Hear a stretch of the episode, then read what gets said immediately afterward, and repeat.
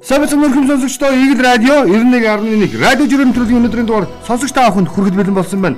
Нэвтрүүлгийг хөтлөхөөр Гамбайр миний би эфирд улаан гэрлийг асаасан байна. Манай нэвтрүүлэг 7 өдрийн даваагаас баасан гарагт 17 цаг 30 минутаас Игэл радио 91.1-ээр хүрдэг. За мөн Игэл цэгийн мэнэсэн вебсайтаар та бүхэн манай нэвтрүүлгийг дахин болон нөхөн гэдэг хэлбэрүүдээр сонсох бүрэн боломжтой гэдгийг бас энэ дашрам дуулгая.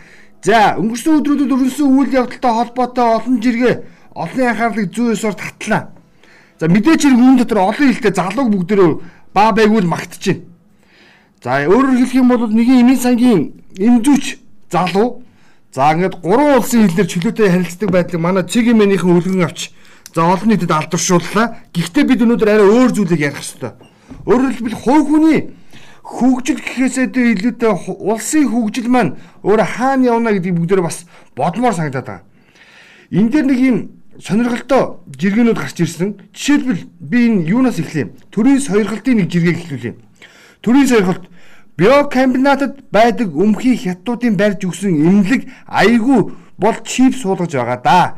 Ээж маань энд дэмжлүүлж байна. Нүүрний саажилтыг улсын эмнэлэг цаг алдалгүй За очвол бүрэн эдгээдэг юм байна. Имчилгээ сайтай сайхан эмнэлэг байна. Имч сувлагчд нь сайхан сайн заанта тухтайч газар юм байна. Энэ юу хэлж яана гэхээр хошин хэлбэрээр хятадх гэсэн болгоно бит юм болаа гэсэн санаа нэгтэл. Хоёр дахь юм бол ер нь бүгдөө хүнэн ирүүл бол улсын ирүүл байна гэдэг энэ алхмыг одоо бүгдөө санах ёстой. Эрт илрүүлэг гэдэг зүйлтэй уялдаа нөгөө талдаа ямарваа нэгэн асуудал үүсгэсэн өмнө эрүүл мэндийн боловсролоо бүгдөө жоохон дээшлүүлъя гэж хэлэх гээд байна. Ингэж чадвал иргэн ирүүл байвал улс нь өөрөө за маш мундаг байна л гэдэг ийм санааг төрийн сэрхэл жиргсэнийг энэ жиргээр онцлох гээд байгаа маа гэж. За дараагийн нэг жиргэг бид энэ Индрагийн жиргэгээр онцлоо. Индра нэгэн зураг оруулсан. Өөрөөр хэлбэл цэцгэн донд хөвтөж байгаа нэг туулааны зураг бүхий. За ингээд уран бүтээл төөрөвсөн. За энэ уран бүтээл нь өөрөө 7 сая төгрөгөөр үнэлэгдсэн юм байна. Индра миний туулаа 7 саяар зарагдаж ид шидийн оронд хандивлагджээ. Худалдан авсан хүнд маш баярлалаа. За нэгдүгээр алга ташин, хоёрдугаарт ид шидийн орныг зохион байгуулж байгаа. За төрийн бус байгууллагын нөхдүүд за ингээд сайн санаат гэж жилж болно байгаа боломжоос за боломжит хэмжээгээр илүүжилж байгаа хүмүүсийн за ингээд юу гэдэг буйны хандивын үр дүнд за орон нутагт чидийн орны үлгэр жишээ байгууламж бий болохоор үндсэн ажлаа эхлүүлчихсэн. За энэ ажлыг бол эхлүүлэхийн тулд зарим нэг худалдаа авалтын за ингээд яарм гэж хэлдэг үзэсгэлэн худалдаанууд зохион байгуулж байгаа. Тэгээ энэ жиргэний ардталт нь миний хэлж байгаа гол үнцэг юу вэ гэхээр бид энэ дуудлага худалдааг ерөөхдөө бол эрх зүйн зохицуулалтаа болгоё гэдэг зүйлийг энд онцлох гээд байгаа. Манай улсад өөрөө дуудлага худалдаа гэдэг зүйл байхгүй мэт ойлгогддог. А гэтэл нэр бүхий спортын, нэр бүхий урлагийн олноо танил болсон эрхмүүдийн эдэлж хэрглэж байсан эсвэл за улс улс их орныхоо нэрийг олон улсын давтамд гаргах үед нь ашиглаж байсан за эд үлгийн зүйлсийг нь ихэвчлэн дуудлага худалдаагаар оруулдаг. За ингээд дуудлага худалдаанд оруулаад олсон мөнгийг нь ерөндөө бол шүү. Ерөндөө бол ихэвчлэн тухайн байгууллагын тухайн салбарын хөгжилд хувь нэмрээ оруулах гэж хийдэг. А тэгвэл одоо миний хэлэх гээд байгаа зүйл бол бид эрх зүйн зохицуулалтаа болчих юм бол ер нь маш олон зүйлийг дуудлага худалдаагаар оруулах ийм боломжууд нь байна гэж хэлэх гээд байгаа. Одоо манай дуудлага худалдааны эрх зүйн зохицуулалт нь өөрөө хязгаарлагдмал дутмаг байдаг болохоор бид энэ төрлийн бизнесийн үйл ажиллагаанаас тодорхой хэмжээний ашиг олж чаддаггүй. Тэгээ хувь иргэд өөртөө сайн дураар нь хэсэг бүлэг өмнөд За уран зургийн за дуудлага худлаа зохион байгуулдаг. За түрүү хэлжсэн чинь тухайн салбарт нэр алдар бүх хүмүүсийн за алдар нэр төрхтэй эдэл чиргэлж байсан эд үлгийн зүйлсийг нь дуудлага худлагаар оруулдаг. Энд ямар нэгэн татвар гих зүйлийг ноогдуулдаггүй жишээний олон асуудал энэ дэр ярьж болно. Тэгэхээр өнөөдөр бид нар энэ дуудлага худалдааг илүү нээлттэй хэлбэрээр нийтийн юм зохион байгуулдаг байя гэж хэлэх гээд байна. Тэгж чадах юм бол энэ байтугай олон сайхан бүтээлүүдийг бид за нийгмийн сайн сайхны төлөө дуудлага худлаанд оруулаад түүгээр нь тодорхой хэмжээний ашиг орлого олох боломж бидэнд байна л гэдгийг хэлэх гээд байна. За дараагийн жиргээ Самжийн баяргоо жиргсэн. Ибийн даргын лайвыг зөвөө зөв үзлээ зүв байна. Улсаа хөгжүүлэх арчилсан намын нэгтгэх чухал санаа олон хэлсэн. Гэвч ярих зураа арчилсан намыг хашаа давуулаад Монгол ардын нам мань мэт рүү ирэл чөлөө тогтнол цацах юм а. Энийгээ болчих ёстой. Мань мэт танд та бүхэн цан сайхныг төснө. Эхлээд хашаанда хашаа хашаанда очролцгой бурууг нь өөрөөсөө бөөсийг бандганаасаа хай гэж хэлчихсэн. Энэ яхаарахгүй одоо бидний зүгээр хэлэх ёстой зүйл бид нэг асуудлыг дотооддоо шийдэж чадахгүй тэгээ дандаа гадагшаа үсчдгийг нэг жишээл энэ л дээ. Энэ зөвхөн нэг хоёр улс төрийн намын за эрх бүхий албан тушаалтангууд удирдах байсан хүмүүс нөлөө бүхий эрхмүүдийн хоорондоо хилцэж байгаа үг мэт боловч монголчууд бидний нийтлэг аран шинэл юм. Яг энийг жишээлбэл бид нар энэ твиттерийн өнцгнөөс харж болно. Хаа байсан асуудлуудыг тэнд байгаа асуудлуудыг энд авчирдаг. Түүгээр яваа зовлон үүгээр дайруулдаг. Нэг ийм нэг хандлага бидэнд бий. Тэгээ энэ хандлагаа өөрчлөл гэдэг санаа. Би Санжийн Баяргуун энэ жиргэг бол э, арчилсан нам ардын нам гэж ярихаасаа илүүтэй монголчууд бидний дотор байдаг нийтлэг л юм. Асуудлаа эхлээд дотооддоо буюу өөрийнхөө халаасанд байгаа асуудлаа шийдэхгүй гэж хүний халаас руу гараа ирэх хэрэгтэй. Маш дуртай хүмүүс. Тэгээ түүнийгээ болохоор нийтэд зарладаг. Тэгэд энэ хандлага бүгдөө өөрчилж чадах юм бол бас бидэнд бас боломжууд бас байна л гэж. За энэ үүний нэг жишээ жишээлбэл ган зориг ванчиг жиргс. Энд чинь нэг эдийн засаг залуу байдаг. Стартап компаниудад хөрөнгө оруулдаг том компаниудын нэг балиар арга байна. Хөрөнгө оруулах нэрээр бизнесийг зарцаадаг.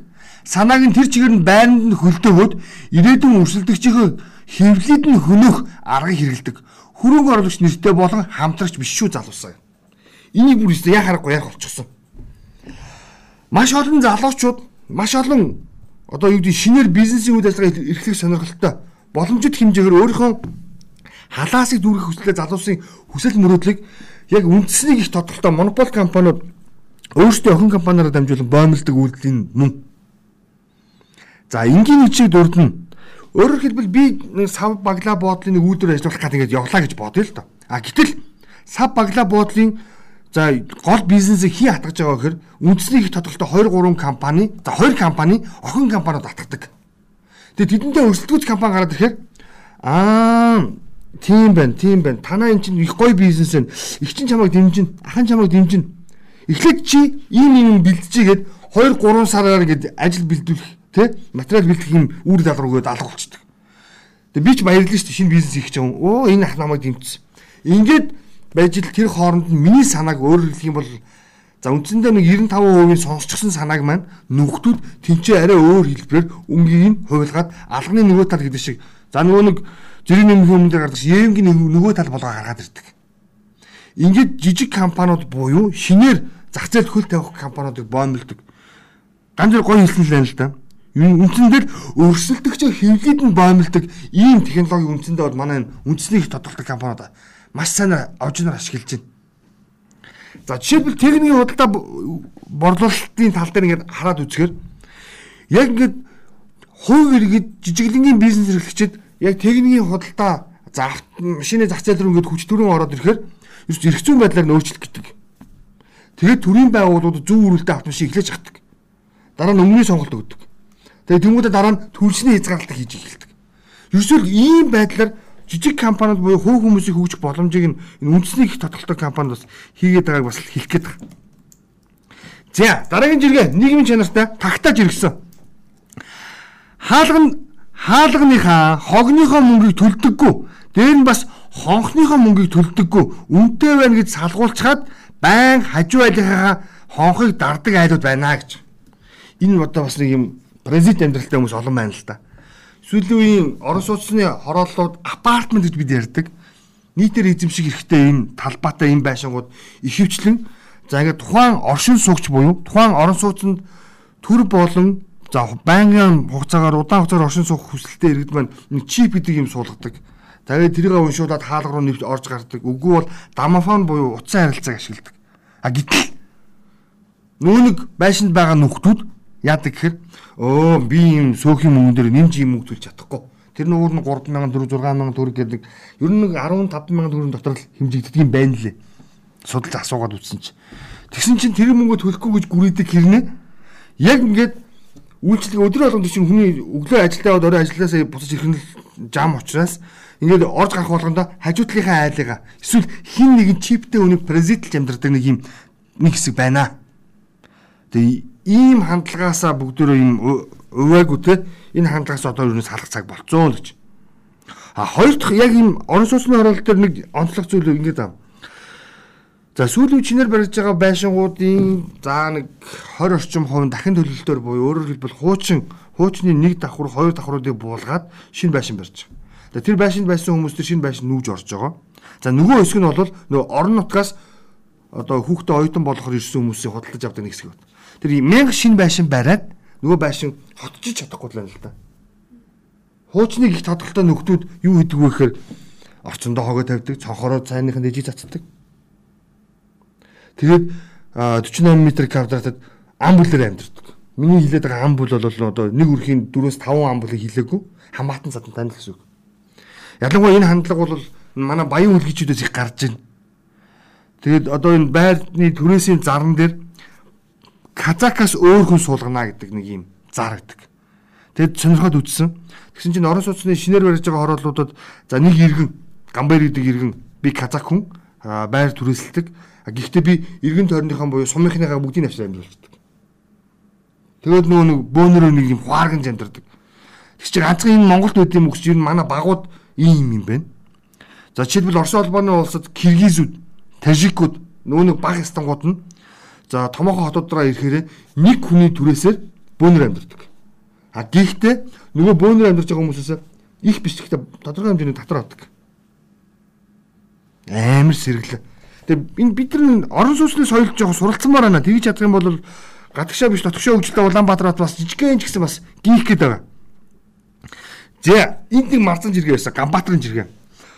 Хүүгүүд болохоор хөх бүгс хөмсөг сормос гэдээ бүгдийг л хийж болдог. Ирчүүд бид хөгшиж үхэхийн даваан дээр химэл шүүдэл хийлгээд л чадрах юм да гэж. Гэхдээ нэр бас чудраг баймаар байна тий. Бас сүүлийн үед ягаад энэ мэдээллийг онцлог болсон бэ гэхээр сүүлийн үед энэ эмгтээчүүдийн дунд ялангуяа гоо сахны гих тодголтой төрөл бүрийн ийм засварууд хийгддэг. Яг хөөний сонголтолтой гихтэй гихтэй нөгөө талдаа эн чинь бол цаг хугацааны л асуудал. Тэгээ нэгэн цаг хугацааны тийм гоо сахны ч гэдэг юм уу эсвэл нэг биологийн тийм ямарваа нэгэн байдлаар тийм туршилт битгий болоороо л зөвлөх гэдэг. Монголын сайхан эмгтээчүүд зөндөө л бүгдөө жижигхэн нар салхинаас хамгаалаад тос төрөгцсөн байхад бусдаараа бол болно бол. Тийм ээ?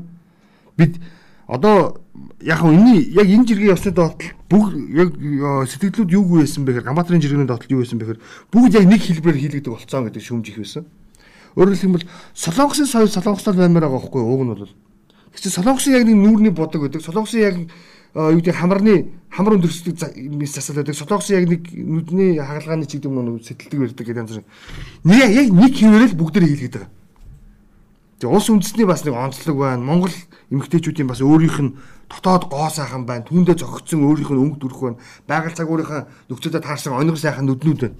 Энийг яагаад брэнд болгож болохгүй гэж. Тийм ээ? Бүх юм бүгдээрээ заавал дуурайх гэж яах вэ гэж. За.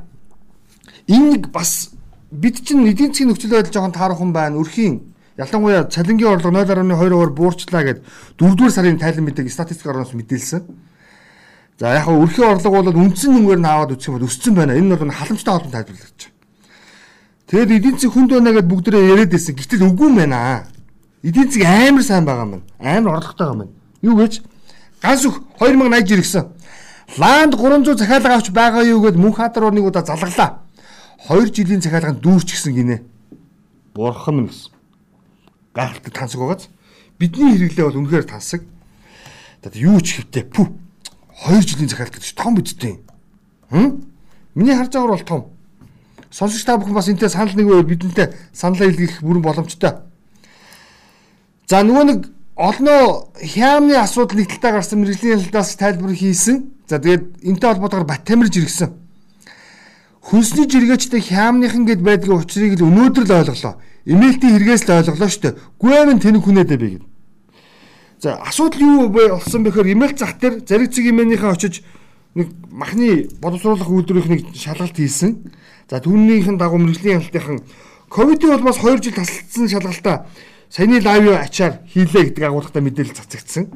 За тэгэхээр энэ мэдээлэл дотор зүгээр хоёр зүйл яригдсан. Нэг нь болохоор тус махны үйлдвэр нь өөрөө Монголын нэр нөлөө бүхий за Монгол улсын 5 дахь хөрөнгөлөгч шилэгдээд байгаа. Тийм үү?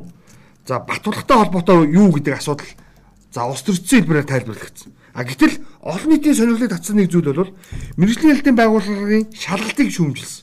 Юу гэж хэлж байгаа вэ гэхээр мэрэгжлийн хяналтын байгууллага өөрөө тодорхой шаталтай шалгалтуудыг хийх үүрэгтэй хэрнээ ковидын нэрээ шалтгааны үүсэл шалтгааны болмоос шалгалт хийгээгүй байгаа нь шүүмж. Асуудал 2. Нэг тийм хугацаанд дууссан хятад шошготой нунтаг зүйл цацсан байлаа гэж мэдээлэл хийж байгаа төрийн байгууллагыг бол ойлгохгүй л байгаа. Юу гэсэн ч үгүй. Бүхэл бүтэн улсын мэрэгжлийн ялтын байгууллагад зүгээр нэг шошгоны хятад юм хитэ ханзыг орчуулад өгчих чадaltaй боловсруучсан байхгүй наа гэдэг л хамгийн том юм л байдаг. Тэгээ мэрэгжлийн хэлтийн байгууллага нь өөрөө яг өөрсдөө албан мэдээлэлээр хэлээд байгаа шүү дээ. Махны үйлдвэрт бид нар 2 жил шалгалт хийгээгүй ээ ковид болмоос. Мөн үү? Нэг нэг зөрчил юм. Хоёр дахь зөрчил нь нэг тийм хугацаанд дууссан хятад бичгтэй зүйл татсан байсан юм. Уг нь бол би тэр мэрэгжлийн хэлтийн байцаач байсан бол за хятад улсад үйлдвэрлэгдсэн нэр бүхий ийм нэр төрлийн бодисыг тийм үү? Одоо орчуулсан байх нь шүү дээ тийм үү? Ингээд тус махны хадгалалтын хугацааг сунгах зорилгоор ч гэдэг юм уу те. Ингээд ингээд цацсан байсныг бид одоо тогтоолоо гэд байж байгаа байхгүй юу? Гэтэл тийж ярихгүй байгаа байхгүй. Хугацаанд дууссан хятад бичгтээ зүйлийг цацсан байна гэдэг нь юу гэсэн ч үгүй. Тэр ингээд химийн найрлага нь өөрөө ямар юм хүнсэнд хэрэгэлдэг зүйл юм уу эсвэл а юу гэдгийг бараа таварт ашигладаг зүйлийг хүнсэн цацсан ч гэдэг юм. Нэг ингэж тайлбарлах хэрэгтэй хатал. Тэгээ өөрөө очир дутагдлаас шалгалт хийгээ суучдаг бас ичмэр дамжигнууд. За энэ яраас жиргэх жиргээ хотын жиргээч жиргсэн байна. Гэртээ зөвхөн талх ус байгаа бол энэ амттай каваси хийгээд аваарай гэд. Ойрын өдрөө талан байгаа учраас энэ жиргэг та бүхэн онцож үргэ. Бас кавас ч нарийн сотор тунарын төрөлдөө ордоггүй амны цангаа тайлах. Техник үед бол өнгөрсөн зууны хагас сүүлийн 50 жилд бол үндсэндээ кавасыг нэг 50 мөнгөөс нэг төрөөр хөдөлтөг авч уудаг байлаа. Вокзалын ойролцоо, хүнсний ойролцоо бидний үеийн цөөх хэдэн монголчууд бол мэднэ. За тэгвэл халуун өдрөд үргэлжилж байгаа энэ үед бас ус талах хоёроор кавас хийж болдог нэг жорыг за хотын жиргэж оруулчихсан байгаа. Яадаг вэ гэхээр 300 г хар талхан дээр нэг атга үзүм хийгээд 50 г сахар хийгээд за ингээд усыг одоо ингээд 2.5 литр усанд зөөх өрөөний температуртай буцалсан ус шүү дээ. Тэгэд нэг халбаг зүгийн бал хийгээд 2 хоног дараад л ингийн бол сайхан кавас бэлэн болох нэ. Маргааш Баасан гарагт илүү халуун болно 27 градус. За Бэм гарагт бүр 29 градус хүрнэ. Нэм гарагт 30-ын агуур иргэн. Ингээд бүгдээр энэ халуун өдрүүдэд бас боломжит хэлбэрээр за амралтын өдрийг каваста өнгөрөж болох бол боломжийг хотын жиргэж та бүхэнд олгожээ гэж. За энэний араас алтан гэрлийн нэг жиргээ анхаарал татчихсан. Нэр энэ ийм байдаг бол жоохон асуудалтай л байна. За эхлээд жиргээ хүргэнэ.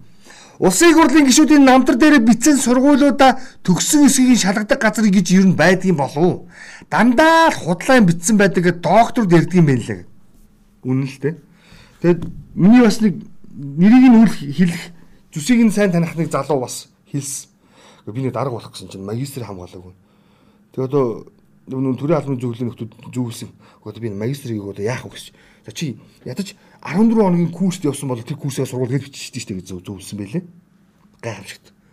Тэгээд нөө эрхэм төрийн албан ташаалт ялангуяа сүртэй сүртэй нэртэй мэндагтангуудын олон улсын сургуулиуд бол дандаа курсүүд өгд юм билээ шүү. Хамгийн энгийн. За лаглаг нэр бичдэг.